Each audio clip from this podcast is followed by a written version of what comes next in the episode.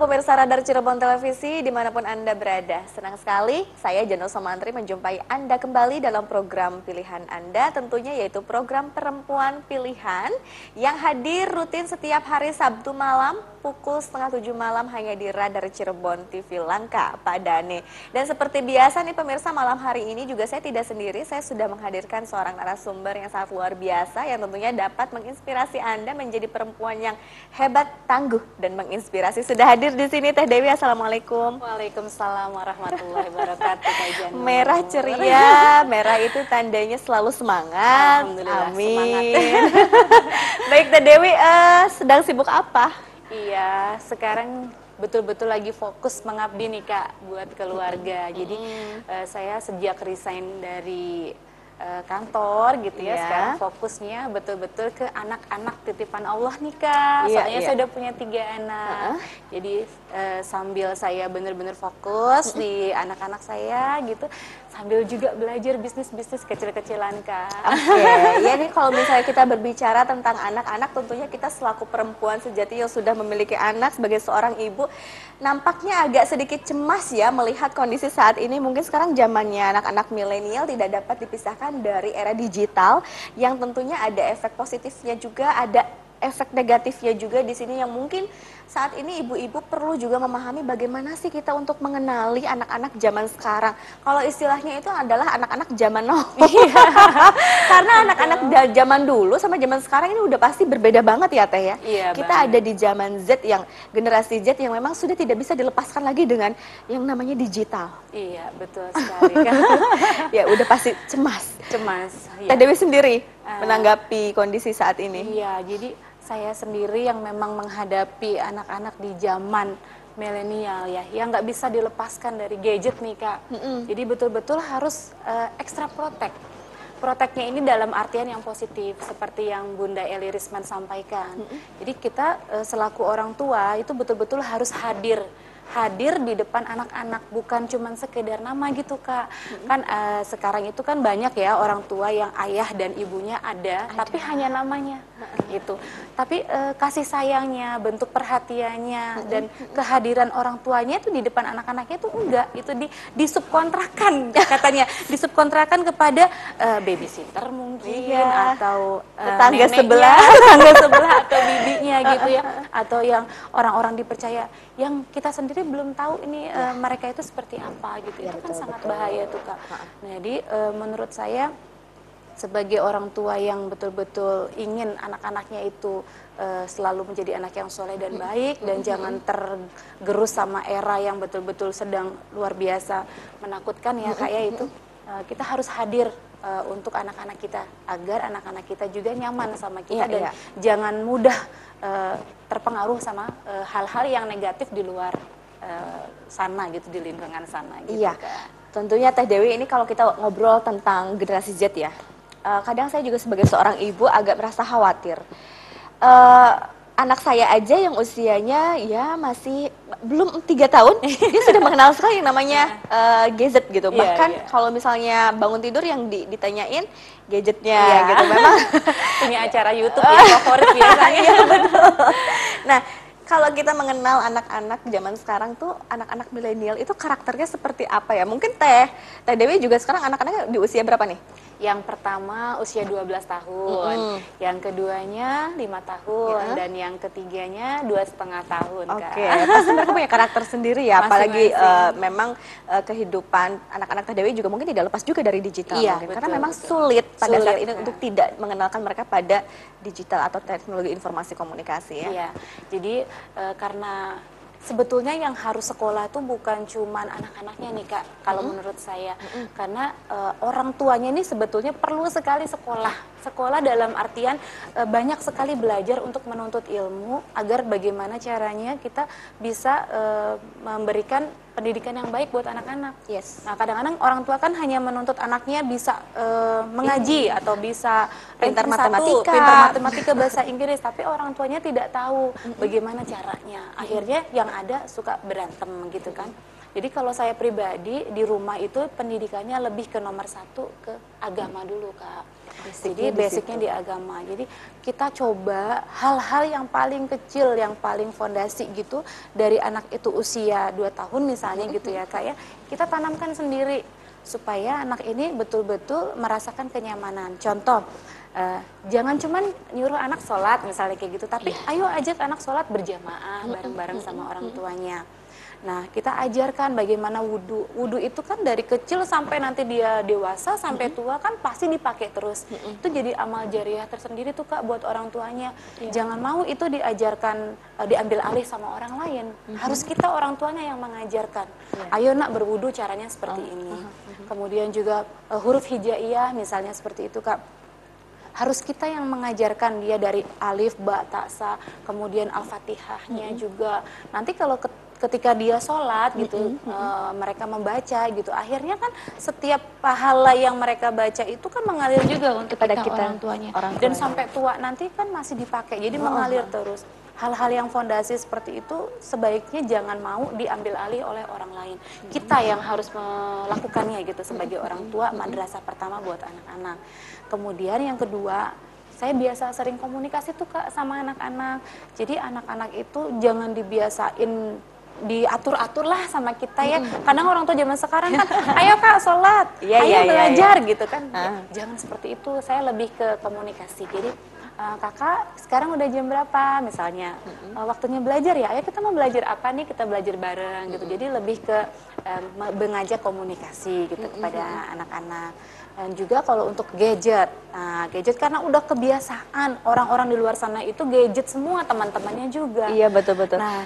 bahkan kalau kita lihat anak-anak saat ini itu mereka lebih lebih apa minimal minim banget untuk berkomunikasi karena iya. memang fokus mereka ke situ gitu kan ya ke alat TIK sampai, itu. kalau mungkin kalau Kak Dianur lagi panggil anaknya Dede misalnya gitu lagi asik main itu mungkin nggak denger ya. Dede iya, nggak denger. Iya jadi uh, mereka itu kalau nggak kalau nggak kita yang memberikan arahan pasti mereka juga uh, selalu ingin pegang gadget. Makanya saya di rumah uh, selalu punya jadwal. Jadi dari Senin sampai Jumat no gadget gitu ya. Mm-hmm. no gadget no TV hanya acara tertentu aja seperti mengaji atau kisah-kisah Rasulullah gitu sahabat Nabi Nah, gadgetnya itu hanya hari Sabtu dan Minggu weekend. Dan itu pun saya batasi jamnya. Dan segitu pun saya masih terus mendampingi. Soalnya Kak, kalau nggak kita dampingi, anak-anak siapa yang tahu loh, itu ngapain gadgetnya? Ternyata itu lagi main tembak-tembakan atau yeah, mengandung yeah. unsur kekerasan. kekerasan yeah. Atau mungkin yang udah usia 6 apa e, kelas 6 SD nih yang 12 tahun, jangan-jangan nanti ngelihatnya yang ada unsur pornografi. Mm -hmm. Itu harus selalu kita pantau makanya kita sebagai orang tua juga nggak boleh kalah pinter dong sama iya, anak-anak iya, supaya bisa memantau terus mm-hmm. gitu jadi komunikasi juga harus mm-hmm. pendidikan agama mm-hmm. dan yang terpenting itu kebersamaan ya ini ayah bunda nih harus bareng-bareng nih uh-huh. uh, kerjasama selaras jangan sampai nanti bundanya uh, nggak ngizinin nanti ayahnya di belakang ngizinin harus Baik. selaras Baik intinya bagaimana kita menjalani walk the talk itu sebetulnya agak sulit dibanding kita hanya berbicara saja nyuruh-nyuruh anak nah ini kita menjalaninya itu yang memberikan contoh contoh kepada anak kita tidak hanya berbicara tapi kita juga memberikan contoh itu ya, yang agak banget. mungkin uh, perlu uh, apa ya treatment khusus untuk pada kita sebagai orang tua tentunya. Iya, iya. Baik Teh Dewi nanti kita uh, lanjutkan lagi perbincangan pemirsa Anda jangan ke mana-mana dulu masih bersama kami di sini mengenai peran orang tua dalam menghadapi karakter gaya hidup anak milenial zaman sekarang tetap di perempuan pilihan.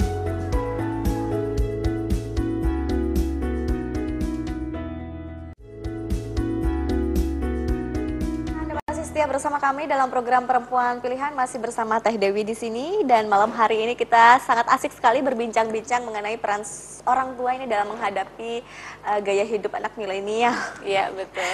Memang tidak segampang yang kita bayangkan gitu karena iya. anak-anak sekarang mungkin kalau dari sisi bagaimana dia berpikir juga berbeda dengan anak-anak zaman lalu karena mungkin iya. itu tadi ada uh, tunjangan dari uh, apa namanya gadget, mereka bisa banyak tahu informasi di luar lebih banyak begitu ya tapi ini permasalahannya uh, ini perlu pengawasan yang sangat ketat dari orang tuanya ya dan orang-orang terdekatnya teh iya betul betul oke okay. teh tadi kan uh, kita uh, di segmen awal itu berbicara mengenai uh, pendidikan anak itu yang lebih basic adalah kita sandarkan kepada agama iya. dan lebih baiknya lagi orang tua menerapkan metode walk the talk itu iya. kan jadi memberikan contoh tidak hanya saja berbicara iya, pada betul. anak seperti contohnya misalnya penggunaan gadget hmm Ini kan kalau saya lihat dari aktivitasnya Teh Dewi kan mm. pasti tidak jauh-jauh dong dari Iya. yang namanya gadget ya kan. Betul, betul. Seorang ibu rumah tangga yang dia sukses mendidik anak-anaknya dan juga berhasil dalam bisnisnya. Amin. ini pasti Teh Dewi juga tidak lepas dari gadget. Nah, ini Iya. lalu bagaimana dengan anak-anak sendiri? iya, jadi kita harus pandai-pandai untuk bisa membagi waktu dan eh, lihat situasi. Jadi eh, karena saya itu bisnisnya sekarang kan dari rumah, maksudnya sih supaya anak-anak bisa saya rawat, saya didik dengan eh, sepenuh hati, jangan Iya. sampai ada waktu-waktu yang terbuang di luar gitu. Akhirnya kan saya memutuskan untuk bisnis dari rumah. Tapi memang permasalahannya nggak segampang itu ya kayak ada ada tantangan tersendiri karena dengan kita bisnis online dari rumah, meskipun nanti ada juga offline-nya gitu ya, banyak online-nya itu kan pasti anak-anak lihat kita lagi bentar-bentar main gadget, bentar-bentar main gadget. Nah ini harus ada strateginya. Oke. Jadi eh, saya nomor satu lebih bersandar kepada Allah. Kan rezeki itu sudah ada yang ngatur Betul. saya yakin itu. Jadi eh, saya yakin nanti eh, Allah sudah kasih rezeki. Saya cuman perlu usaha aja. Nah usahanya ini saya harus bagi waktunya. Ketika anak-anak sedang sibuk dengan eh, kegiatannya seperti si kakak lagi sekolah eh, yang nomor dua juga sekolah gitu ya. Nah ini kan waktu saya luang saya pakai waktu ini untuk bisnis yang mereka tidak lihat saya pegang gadget gitu. Nah si bayi ya si bayi ini usia 2 tahun setengah itu kan rata-rata lebih banyak ke saya. Iya. Nah saya saya juga sama menyiasatinya ketika dianya sedang misalnya tidur atau sedang eh, bermain yang eh, ditemani soal sama eyangnya. Saya cuma minta waktu misalnya satu jam di pagi hari misalnya seperti itu. Kemudian kalau siang hari satu jam di siang hari, kemudian satu jam di sore hari dan malam setelah mengajari anak-anak tidur. Dan saya eh, mengusahakan sekali itu tidak pegang HP, tidak kerja di depan anak-anak. Karena kalau misalnya kita ngomong "Eh, jangan jangan main HP ya, soalnya eh, itu nggak baik buat eh, kesehatan mata lah, untuk eh, kepribadian juga nggak baik. Mereka nggak tapi ngerti ya iya, dengan tapi bundanya malah ngajarin, nyontohin, ayahnya juga malah kerja di depan Nah, mereka pakainya HP. Aha. Ini nggak nggak sinkron seperti ini. Anak-anak pasti menolak. Jadi usahakan sebisa mungkin jangan di depan anak-anak. Nah kebetulan kita punya ruang-ruang lain kan. Jadi kalau misalnya anak-anak lagi di ruang ini, kita coba ke ruang lain dan coba usahakan eh, tidak di saat anak-anak butuh kita. Jadi kalau anak-anaknya lagi sekolah, ya udah kita kerja gitu. Tapi kalau mereka lagi ada di rumah, mereka butuh kita untuk belajar, bermain atau berkomunikasi, no stop dulu gitu. gitu. Saya benar-benar fokus ke situ dan itu pun masih belajar. iya iya masih belajar. Dan Masih memang kita belajar diwajibkan terus. untuk terus belajar Iya, ya Teh ya. Yang penting intinya kita tidak memancing mereka gitu. Jangan main di depan mereka. betul betul. Nah ini bicara eh, tentang karir ya Teh. Eh, dulu Teteh sempat kerja di perusahaan juga. Iya betul. Berapa lama Teh? Ya kurang lebih hampir 12 tahun ya. Wow. Sekali dari muda. Pastinya adalah keputusan yang sangat berat ketika mau meninggalkan sebagai eh, status sebagai karyawan. Iya. Perlu berapa lama dulu berpikir untuk memutuskan menjadi Ya, ibu rumah tangga? sebetulnya memang eh, keputusan untuk resign itu lebih ditunjang sama suami Ah. gitu kan? Karena em, suami ingin sekali anak-anak itu diasuh oleh bundanya. Iya, iya. dan kita em, misalnya kita berpikirnya kan kita udah sekolah nih tinggi-tinggi karir udah bagus masa sih mau dilepasin gitu kan? tapi kalau kita kembalinya ke agama gitu ya kita fokusnya ke agama gitu insya Allah kita berpikirnya malah terbalik kak. Nah, justru nih eh, S1 saya S2 saya S3 saya atau kepintaran saya ini mau saya 100% eh, kerahkan atau Iya. berikan itu untuk anak-anak saya gitu. Jangan sampai nanti anak orang diajarin pintar anak sendiri malah Malah ke, terbengkalai. eh, terbengkalai. gitu kan. Jadi saya lebih fokus itu. Jadi suami minta seperti itu dan jangan suka repotin orang tua. Kalau orang tua ingin membantu itu nggak apa-apa. Emang mereka seneng kan main sama cucu tapi jangan dibebankan. Jadi kita usahakan betul-betul bisa eh, aktif di rumah itu semua kita tanganin sendiri gitu. Jadi akhirnya suami minta saya resign ya udah saya putuskan resign cuman karena saya ini terbiasa kerja jadi saya nggak bisa diem ya di sela-sela waktu saya yang masih agak luang gitu saya masuk ke eh, bisnis dan bisnis yang bisa saya bagi-bagi waktunya untuk eh, keluarga juga Iya, tuh, Kak. jadi oke. seperti itu Wah tentunya ini sangat luar biasa ya. Hanya perempuan hebat tangguh yang berani memutuskan untuk keluar dari zona Iya, nyaman mereka, dari karir yang memang sudah punya jabatan yang sangat luar biasa, pada akhirnya memutuskan akan menjadi seorang ibu rumah tangga dan Iya. madrasah bagi anak-anaknya. Luar biasa, apresiasi sekali. Iya, ngomong-ngomong em, setelah keluar dari perusahaan saat itu yang dilakukan berbisnis. Iya, Jadi betul. berbisnis dari rumah Mm-mm. dan sam- berjalan sampai saat ini. Sampai saat Apa sih yang ini. memotivasi Teh Dewi untuk untuk menggeluti bisnis yang sekarang lagi dikerjakan? kadang-kadang itu eh, mungkin kalau terdengar sih kayaknya kayak eh, kayak main-main ya kak ya. Uh-uh. Jadi maksudnya gini, eh, kan kita cuman niatnya untuk berbakti aja sama suami, sama orang tua, ya sama Iya, iya, anak-anak gitu ya. Ya udahlah, saya nggak mikir macam-macam, udah itu aja niatnya berbakti gitu. Tapi karena eh, memang ini tujuannya adalah untuk kebaikan juga, bisnis ini juga bukan semata-mata saya saya geluti hanya untuk mendapatkan income aja gitu masalah keuangan aja tapi lebih kepada eh, banyak memberikan solusi. Ternyata dengan berbisnis ini kak alhamdulillah bukan hanya saya yang beruntung gitu tapi saya juga bisa eh, memberikan atau mengajarkan ilmu-ilmu eh, bisnis ini kepada bunda-bunda yang lain kak. Iya. nah dengan saya mengajarkan mereka dan mengajak mereka untuk berbisnis uh, akhirnya mereka bisa mendapatkan pendapatan yang bahkan mungkin lebih besar dari waktu Seorang kerja pegawai. ya. Uh, lebih ke- dulu gajinya segini setelah berbisnis kok malah bisa tiga kali lipat gitu. Nah saya mengajak dan mengajarkan mereka.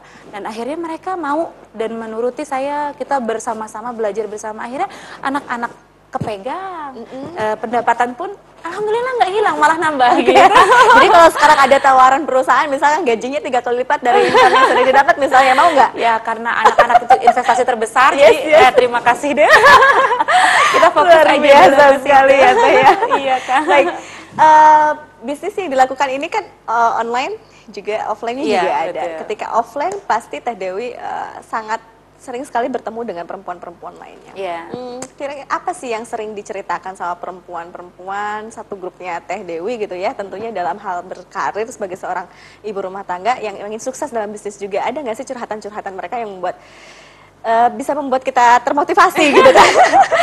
Iya ada banget. Soalnya eh, memang yang namanya kebetulan dunia bisnis juga baru ya kak. Buat saya bukan dunia Berapa yang lama sih? ya. Ke, saya baru bergelut sekitar hampir tiga tahun di dunia ah, bisnis ah, gitu tiga ya. tahunan ya. Nah itu eh, saya masih minim sekali pengalaman. Makanya dalam bisnis itu perlu mentor gitu, perlu seorang guru. Nah perlunya guru ini adalah untuk membuat eh, minimal resiko yang kita hadapi, kemudian membuat arahan yang jelas juga bagi bisnis kita gitu kan.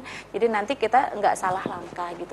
Dan juga mempercepat proses kesuksesan. Soalnya kalau kita bisnis tanpa mentor gitu, nanti kita nggak jelas nih mau ngapain-ngapain. Oke. Tapi kalau ada mentor kita dibimbing gitu kan. Nah akhirnya saya merasa ini cocok sekali. Saya eh, coba ajarkan ke teman-teman. Nah ternyata saya juga berguru nih kepada teman-teman yang sudah lebih dulu sukses dan hebat gitu. Nah, mereka sangat bersyukur kak, karena apa? Karena dengan bisnis di rumah itu keluarga mereka jauh lebih adem ayem, harmonis, bahagia.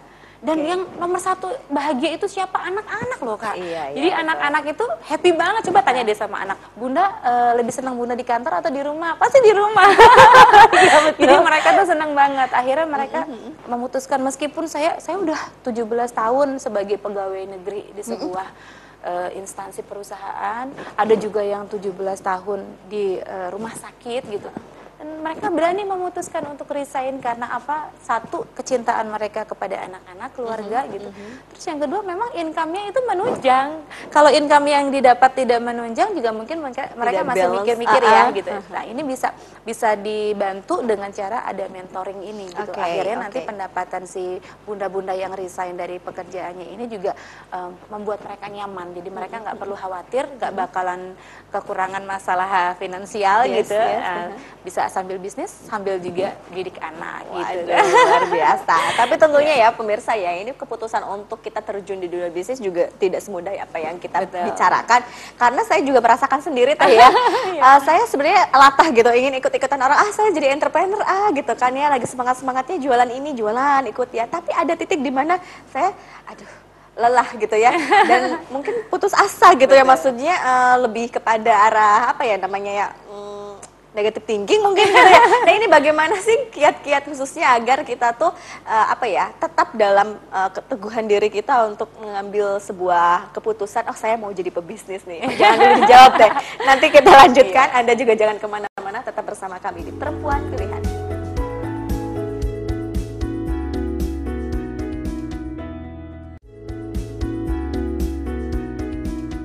Kembali lagi dalam perempuan pilihan masih bersama saya Jenner Samantri dan Teh Dewi di sini. Tadi sempat saya nanya Teh Dewi gimana sih caranya kalau misalkan kita pengen jadi pebisnis hebat atau entrepreneur yang uh, apa namanya ya uh, tangguh gitu kan karena ini pengalaman saya loh. Iya. Malu sebenarnya pemirsa ya, tapi nggak apa-apa karena saya niatnya emang belajar.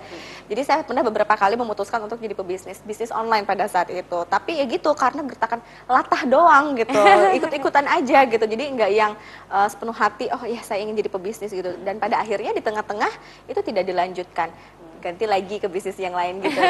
ini mungkin ada tips and trik khusus begitu bagaimana caranya kita menjadi seorang pebisnis yang hebat. Iya, jadi memang bisnis itu bisa dibilang sesuatu yang mungkin tergantung mindset ya, mindsetnya kita di mana.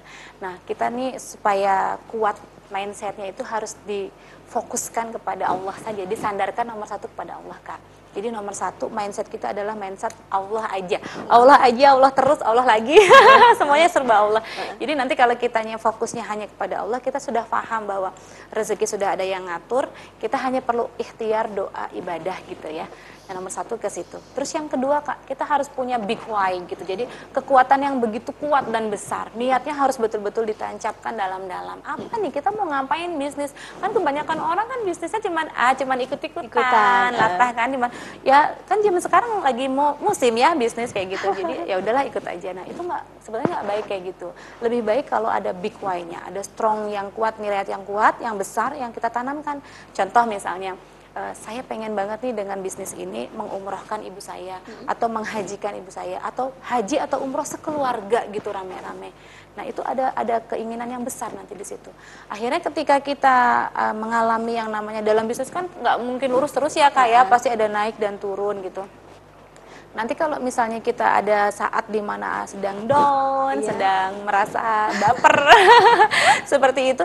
Nah, ini kekuatan dari niat yang besar itu akan muncul. Mm-hmm. Nah, kita butuh nih dua orang yang betul-betul bisa mensupport kita terdekat. Dua orang terdekat itu sepasang bidadari, Kak. Yes. Siapa sih sepasang bidadari? Satu itu pasangan kita, mm-hmm. yang keduanya eh, adalah orang tua orang kita. Tua. Okay. Jadi uh, kita perlu banget nih support dari suami, kalau kita istri kan suami mm-hmm. ya, sama dari orang orang tua kita terutama ibu kita mm-hmm. nah kalau kita sedang down sedang drop itu kita bisa curhat gitu kepada beliau uh, supaya kita diberikan motivasi diingatkan kembali kita punya niat apa nih dari awal gitu kan nanti insya Allah dengan motivasi dengan doa mereka dengan support dari mereka kita akan semangat lagi yang penting kuncinya ketika kita sedang down jangan berhenti itu aja ya, nah kita bergerak. istirahat istirahat dulu kita muhasabah ke Allah mendekatkan diri ke Allah minta dukungan orang orang-orang terdekat, di charge lagi. Hmm. Nanti insya Allah bangkit lagi. Okay. Nah itu dia, yang penting itu. Dan jangan berhenti kak, karena proses itu harus dilalui kegagalan-kegagalan itu harus dilaluin. Iya, iya. Nanti insya Allah gagalnya nih udah bosen nih sama kita tinggal sukses, sukses, sukses.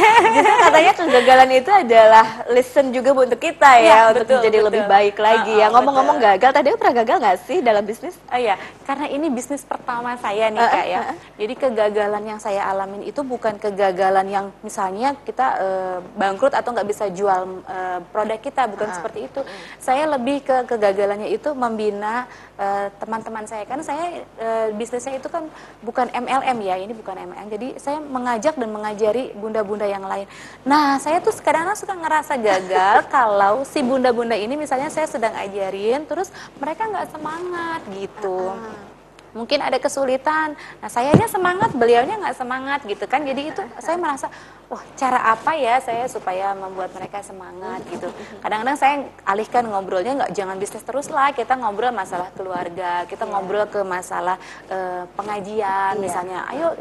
Akhirnya nanti mereka uh, tumbuh lagi semangatnya, kita ngobrol lagi semangat lagi gitu. Jadi gagalnya lebih ke merasa mungkin harus banyak ilmu nih kak yeah, untuk yeah. membina, untuk mengajari uh -huh. supaya mereka tetap semangat seperti saya gitu. Uh -huh. Kalau sayanya semangat, mereka akan ketularan semangat juga okay, gitu. Kalau okay. misalnya kitanya down di hadapan mereka nanti merekanya ya tambah down lagi.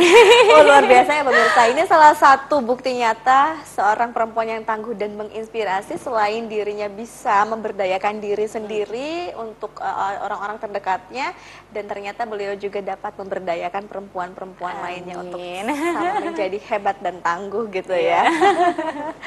Baik, uh, ke depannya uh, apa namanya rencana bisnisnya mau dibawa ke arah mana nih? Peluang-peluang bisnisnya besar gak sih yang teteh sedang jalanin sekarang? Iya, alhamdulillah. Yang penting um, guru ngaji saya selalu mengingatkan gitu ya Pokoknya tugas utama adalah keluarga.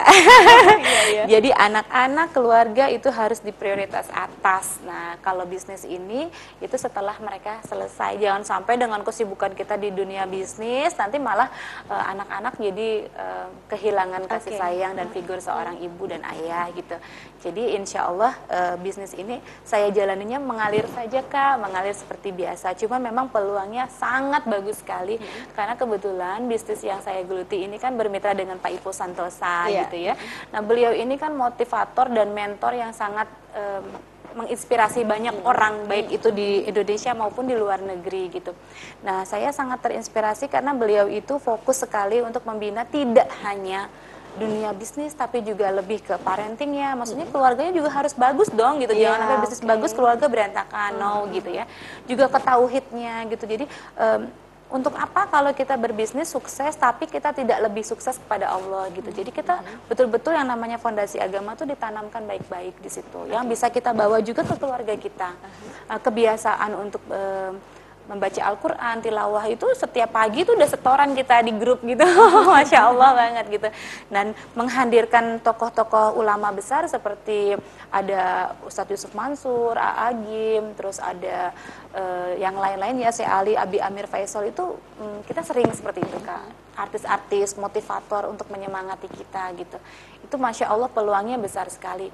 Dan itu insya Allah juga Kak bisa mensupport sekali uh, finansialnya bunda-bunda yang masih ragu-ragu ini nih mau kerja atau bisnis. Kalau bisnis saya gagal enggak karena ada peluang di sini besar, ada mentoring, ada ekosistem yang bagus karena bukan MLM jadi kita saling support, saling yeah. membantu. Jadi insya Allah ke depannya itu bagus banget prospeknya. Dan insya Allah juga untuk keluarganya nih jangan khawatir bunda. Yang penting kita fondasi agama.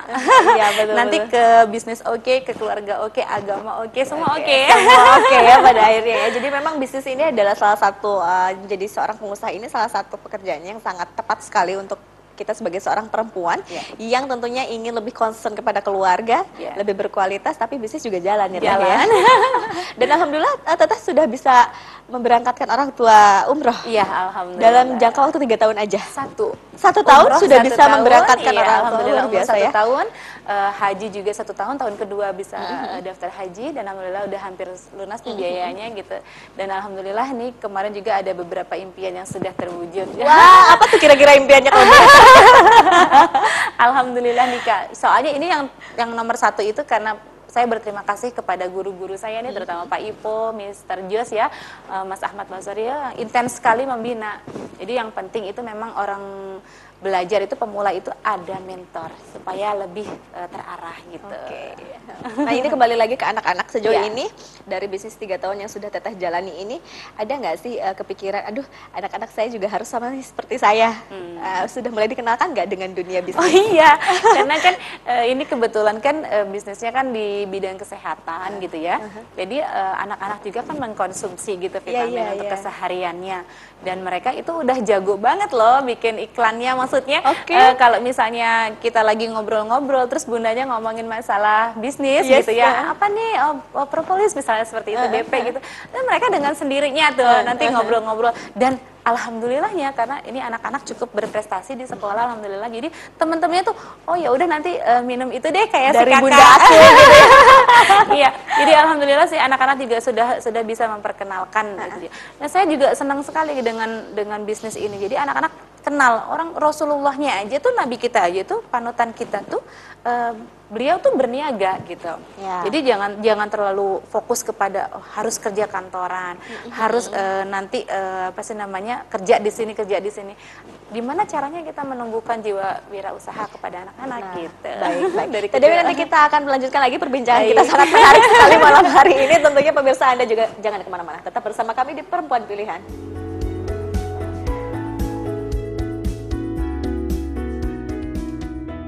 Program Perempuan Pilihan masih bersama Teh Dewi di sini, seorang pengusaha sukses luar biasa. Masya Allah. Jadi seorang ibu juga sukses. Bahkan sekarang anak yang usia kecil, eh yang usia 12-an tuh eh, belajar hafidz Quran Iya, juga betul, ya. betul. Wah, luar biasa ya. Dan sudah hafal 30 juz. Ah, belum, baru baru belajar sekitar 4 juz. Kak. Juz Ah, luar biasa. belajar. Waduh, hebat. Nanti juga anak saya kalau udah gede pengennya jadi hafiz Quran sebetulnya. Amin, amin, ya rabbal alamin. Nah, ini kembali lagi nih ke masalah perempuan yang memang eh, saat ini mungkin masih banyak juga perempuan di luar sana. Mungkin pemirsa juga salah seorang perempuan yang saat ini masih menjadi seorang pegawai, menjadi eh, terikat waktunya gitu kan, terikat tanggung jawabnya di salah satu perusahaan. Memang kalau kita bicara tentang mindset perempuan saat ini juga masih banyak juga nih oh saya harus kerja karena mungkin status sosial tanda kutip di situ ya. Um, perempuan sekarang juga masih banyak yang tanda kutip masih gengsi tuh nggak kerja gitu. Nah, Iya, ini iya. bagaimana ya cara membuka mindset perempuan-perempuan bahwa ternyata menjadi seorang pengusaha ini juga tidak kalah keren loh daripada seorang pegawai bener loh. Apalagi dari income-nya ya. Sangat menarik sekali Iya, jadi memang eh, mindset itu luar biasa kak, penting sekali. Nah, gimana caranya supaya mereka itu terbuka? Ayo, mereka harus ikut seminar kak. Maksudnya ketika eh, mereka itu mencari ilmunya, ilmu kan harus dijemput ya kak ya, Iya. harus dijemput, nggak boleh kita tunggu aja. Soalnya kalau kita tunggu aja, nanti eh, kapan datangnya gitu kan lama. Harus kita jemput, gitu. Kita harus cari ilmunya. Kita harus rajin nih kak, eh, mungkin baca-baca buku, eh, ikut seminar-seminar supaya mindset kita tuh terbuka. Nah setelah kita paham gitu ya, ternyata loh kita tuh sebetulnya sebagai perempuan itu tanggung jawabnya Allah berikan tuh lebih besar di rumah loh gitu. Lebih besar itu eh, untuk mendidik anak-anak dan eh, keluarga. Nanti ini akan dipertanggungjawabkan kan sama Allah. Ini masalahnya kalau di kantor ini kan bukan bukan tugas wajib. Ini kan yang wajib kan eh, suami, ya. Suami. Kalau kalau perempuan itu wajibnya justru di rumah.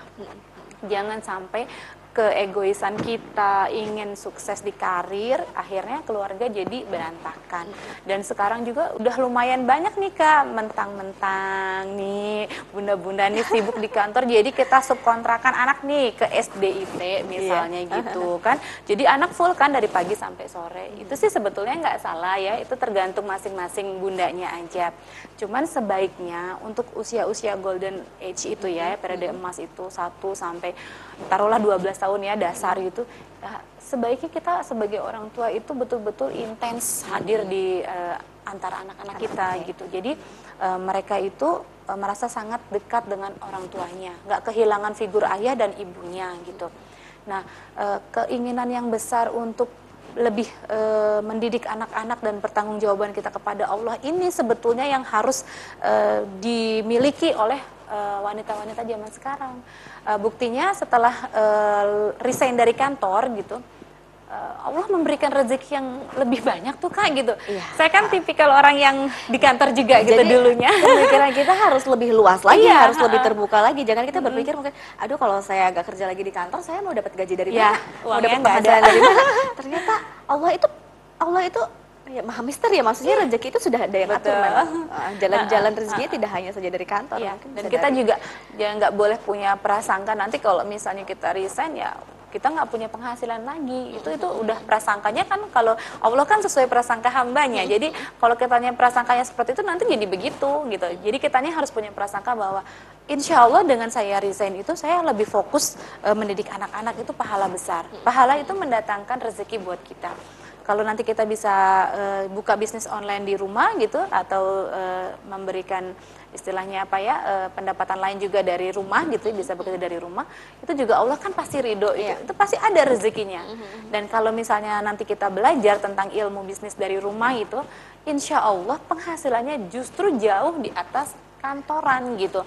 Jadi benar-benar harus berusaha untuk menjemput ya nih bunda-bunda yang masih bekerja, uh, jangan patah semangat. Kita harus fokusinnya uh, tanggung jawab kita kepada Allah, tanggung jawab kita pada Allah di keluarga gimana Ada gitu. nih ya, anak-anak itu. Uh, kita juga nggak bisa langsung bisa resign gitu kan ya uh. kayak kita juga perlu ancang-ancang. Nah hmm. sambil kerja ini kita buatlah ancang-ancang dulu supaya apa bisnis kita juga mapan gitu, mantap gitu. Kalau misalnya kita sudah punya mentornya, sudah punya sistem yang menunjangnya dan memang itu kira-kira sudah pas, ya Bismillah aja resign aja. Kita ya. niatnya untuk berbakti. Kalau kita niatnya untuk berbakti, pasti mengundang rezeki nih kak. keberkahan itu ya, iya, ya. betul.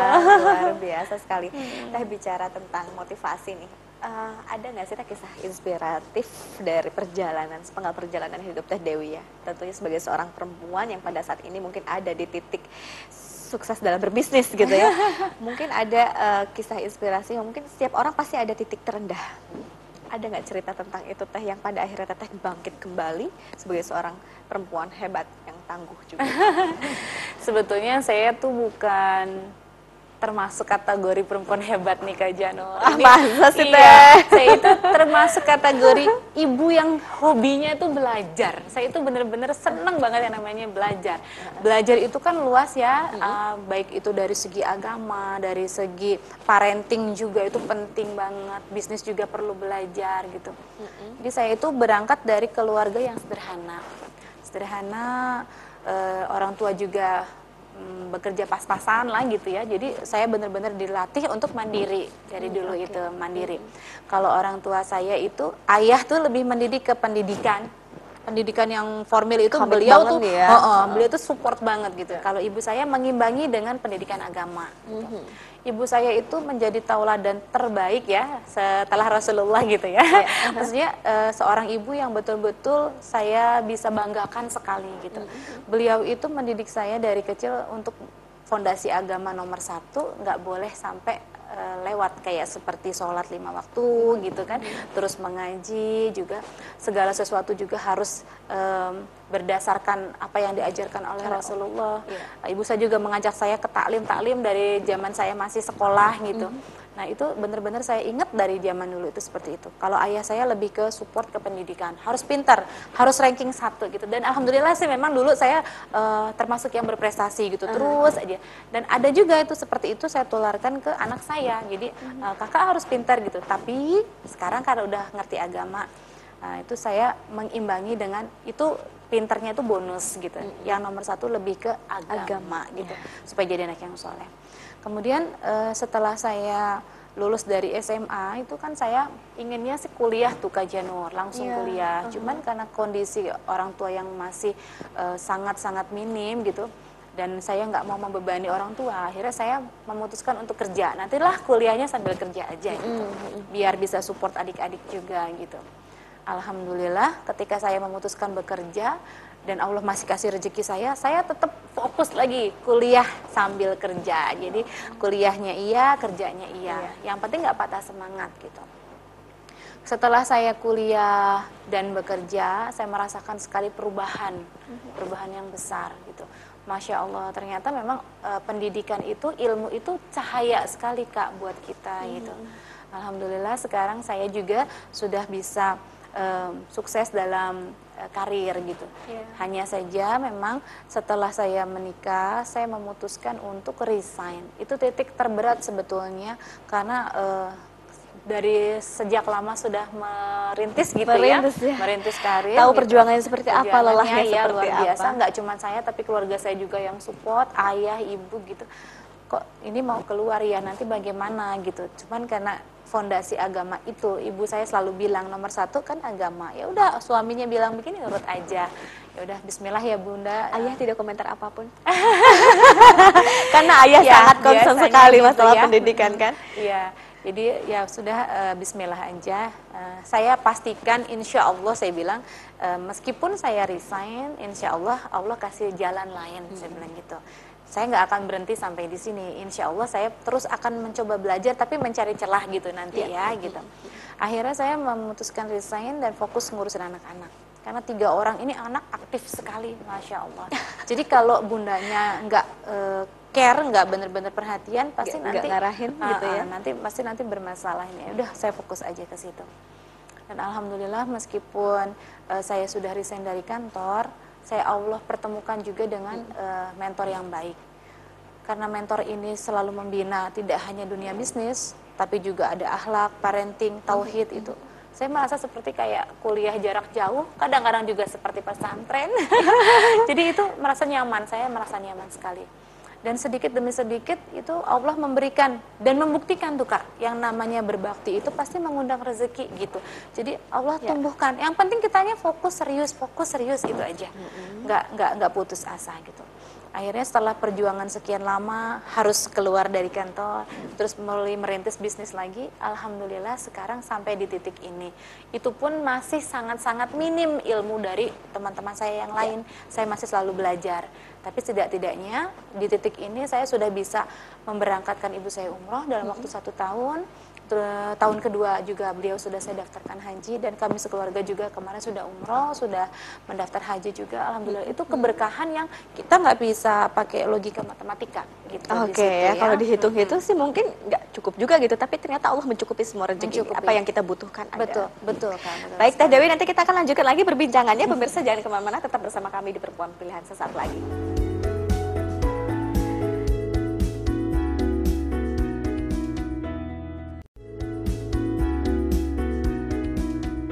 Ya pemirsa, kita sudah menginjak di segmen akhir perempuan pilihan. Tentunya masih menarik perbincangan kita mengenai peran seorang uh, apa peran orang tua dalam hal ini khususnya seorang ibu ya Iya. dalam menghadapi gaya hidup anak milenial. Tadi saya sudah berbincang-bincang dengan salah satu perempuan yang sangat hebat dan tangguh menurut saya. ya, Teh, ini sangat hebat sekali karena uh, apa yang sudah teteh putuskan menjadi seperti eh, apa seorang pengusaha ini adalah keputusan yang menurut saya sangat luar biasa dan Teteh juga eh, merupakan seorang ibu yang sangat apa ya concern sekali sama anak-anaknya dan luar biasanya lagi mendidik anak-anaknya dari sisi agama ini basic sekali untuk kehidupan kita sebagai seorang muslim tentunya Teh. Ibu masih ada, bapak masih ada. Kalau bapak udah nggak ada, Oke. tinggal ibu. Makanya saya fokus banget ke ibu. Iya, iya. Apa yang ingin disampaikan kepada ibu saat ini bila ibu sedang menyaksikan acara? Ah, iya. Alhamdulillah ya Allah, saya betul-betul sangat berterima kasih kepada Allah telah memberikan seorang ibu yang luar biasa, yang sangat menginspirasi saya, dan saya masih sangat harus belajar untuk memuliakan beliau. Saya bisa seperti ini juga karena jasa beliau dan jasa suami saya yang selalu mendukung. Eh, sosok ibu saya itu luar biasa sekali kak. Jadi beliau itu selalu bangun di dua per tiga malam terakhir ya, jam 2, jam 3 itu selalu bangun. Selalu. Selalu bangun untuk sholat tahajud dan berzikir. Gak pernah lepas untuk mendoakan anak-anaknya. Sementara saya kadang-kadang kalau udah capek gitu masih harus dibangunkan, ayo tahajud, ayo tahajud. Kemudian beliau juga support saya selalu untuk fokus mendidik anak-anak karena anak-anak itu kita didik saja belum tentu bisa berhasil. Ya. Masih banyak faktor di luar sana yang bisa eh, merusak pergaulan gitu. Jadi fokuslah kepada anak-anak. Dan beliau juga selalu menyemangati saya karena segala sesuatu proses itu harus dilalui. Kunci terbesarnya bagi seorang perempuan adalah sabar. Sabar ini nggak ada batasannya, harus terus belajar dan belajar. Karena ibu saya selalu mengajarkan untuk punya guru, tidak hanya dalam bisnis tapi dalam ilmu-ilmu yang eh, real dalam kehidupan sehari-hari. Kayak saya sekarang kan belajar mengaji, di guru mengaji anak saya yang tahfiz, saya belajar mengaji. Ke taklim juga saya belajar di eh, taklim-taklim yang ibu saya eh, menjadi jamaahnya di situ gitu. Jadi saya selalu belajar seperti itu dan tanpa beliau, tanpa didikan dari beliau, tanpa semangat dan dukungan beliau, saya pasti bukan apa-apa kak. Jadi semua yang saya lakukan, yang sudah saya coba untuk lakukan yang terbaik itu, menurut saya tuh masih sangat-sangat eh, kurang sekali. Eh, masih terlalu banyak yang ingin saya berikan kepada beliau, tapi mudah-mudahan dengan saya selalu istiqomah, Amin. em, selalu minta sama Allah untuk menjadi anak, istri dan ibu yang baik. Yang Allah selalu ridho kepada saya. Mudah-mudahan segala kebaikan saya pahalanya mengalir Amin, untuk ibu saya. Dan saya sangat-sangat bersyukur punya seorang ibu dan suami yang selalu memberikan motivasi dan dukungan sehingga dalam keseharian saya pasti kan kita perlu nih kayak yang namanya support ya kayak misalnya sekarang kita lagi ada di acara Kak Janur seperti ini kan hmm. anak saya ada sama neneknya kan yeah. ibu saya itu saya betul-betul support makanya e, kesehatan beliau terus kebahagiaan beliau beliau maunya apa gitu itu saya selalu perhatikan dari hal yang kecil pun saya selalu perhatikan gitu hmm. kayak misalnya ibu sukanya apa maunya apa barangkali yeah. ibu mau apa gitu saya selalu kalau mau pergi juga selalu begitu. Bu mau pesan apa? Mau dibelikan apa? Misalnya seperti itu. Dan saya selalu berusaha untuk uh, melakukan yang terbaik. Mudah-mudahan Allah kabulkan semua ikhtiar dan doa-doa saya selagi masih ada beliau saya ingin memuliakan beliau semampu saya sebisa saya semaksimal mungkin gitu menjadi yang terbaik lah untuk beliau masya Allah, masya Allah luar biasa sekali iya, Kak, Teh Dewi semoga ibu selalu sehat amin, di rumah sana amin, selalu amin. diberi kesehatan keberkahan amin. Allah Subhanahu Wa Taala Teh Dewi juga selalu diberikan kesemangatan ya amin. untuk terus membahagiakan kedua orang tua tentunya ya. Salam untuk anak-anak, salam untuk suami juga dan keluarga di rumah. Tentunya semangat terus teh menjadi inspirasi bagi kita semua di sini perempuan-perempuan hebat. Terima Itulah tadi pemirsa banyak. bahwa hidup adalah proses dan dalam menjalani proses itu tadi mungkin saya petik sedikit perlu adanya kesabaran dan tentunya untuk menjalani kesabaran ini bukanlah hal yang mudah ya. untuk kita sebagai seorang uh, muslimat dan muslimin ya, ya. gitu. Dan tentunya di sini perlunya akan dukungan dari orang-orang terdekat. Betul sekali. Luar biasa sekali. Baik, perbincangan kita cukup sampai di sini. Pemirsa terima kasih Anda sudah menyaksikan acara Perempuan Pilihan. Teh Dewi terima kasih banyak. Sehat terus ya Teh iya, ya. Salam untuk keluarga. Dan saya Janu Somantri mewakili seluruh kerabat kerja yang bertugas pada malam hari ini mengucapkan terima kasih. Sampai jumpa minggu depan di tema yang berbeda. Perempuan Pilihan, tangguh dan menginspirasi.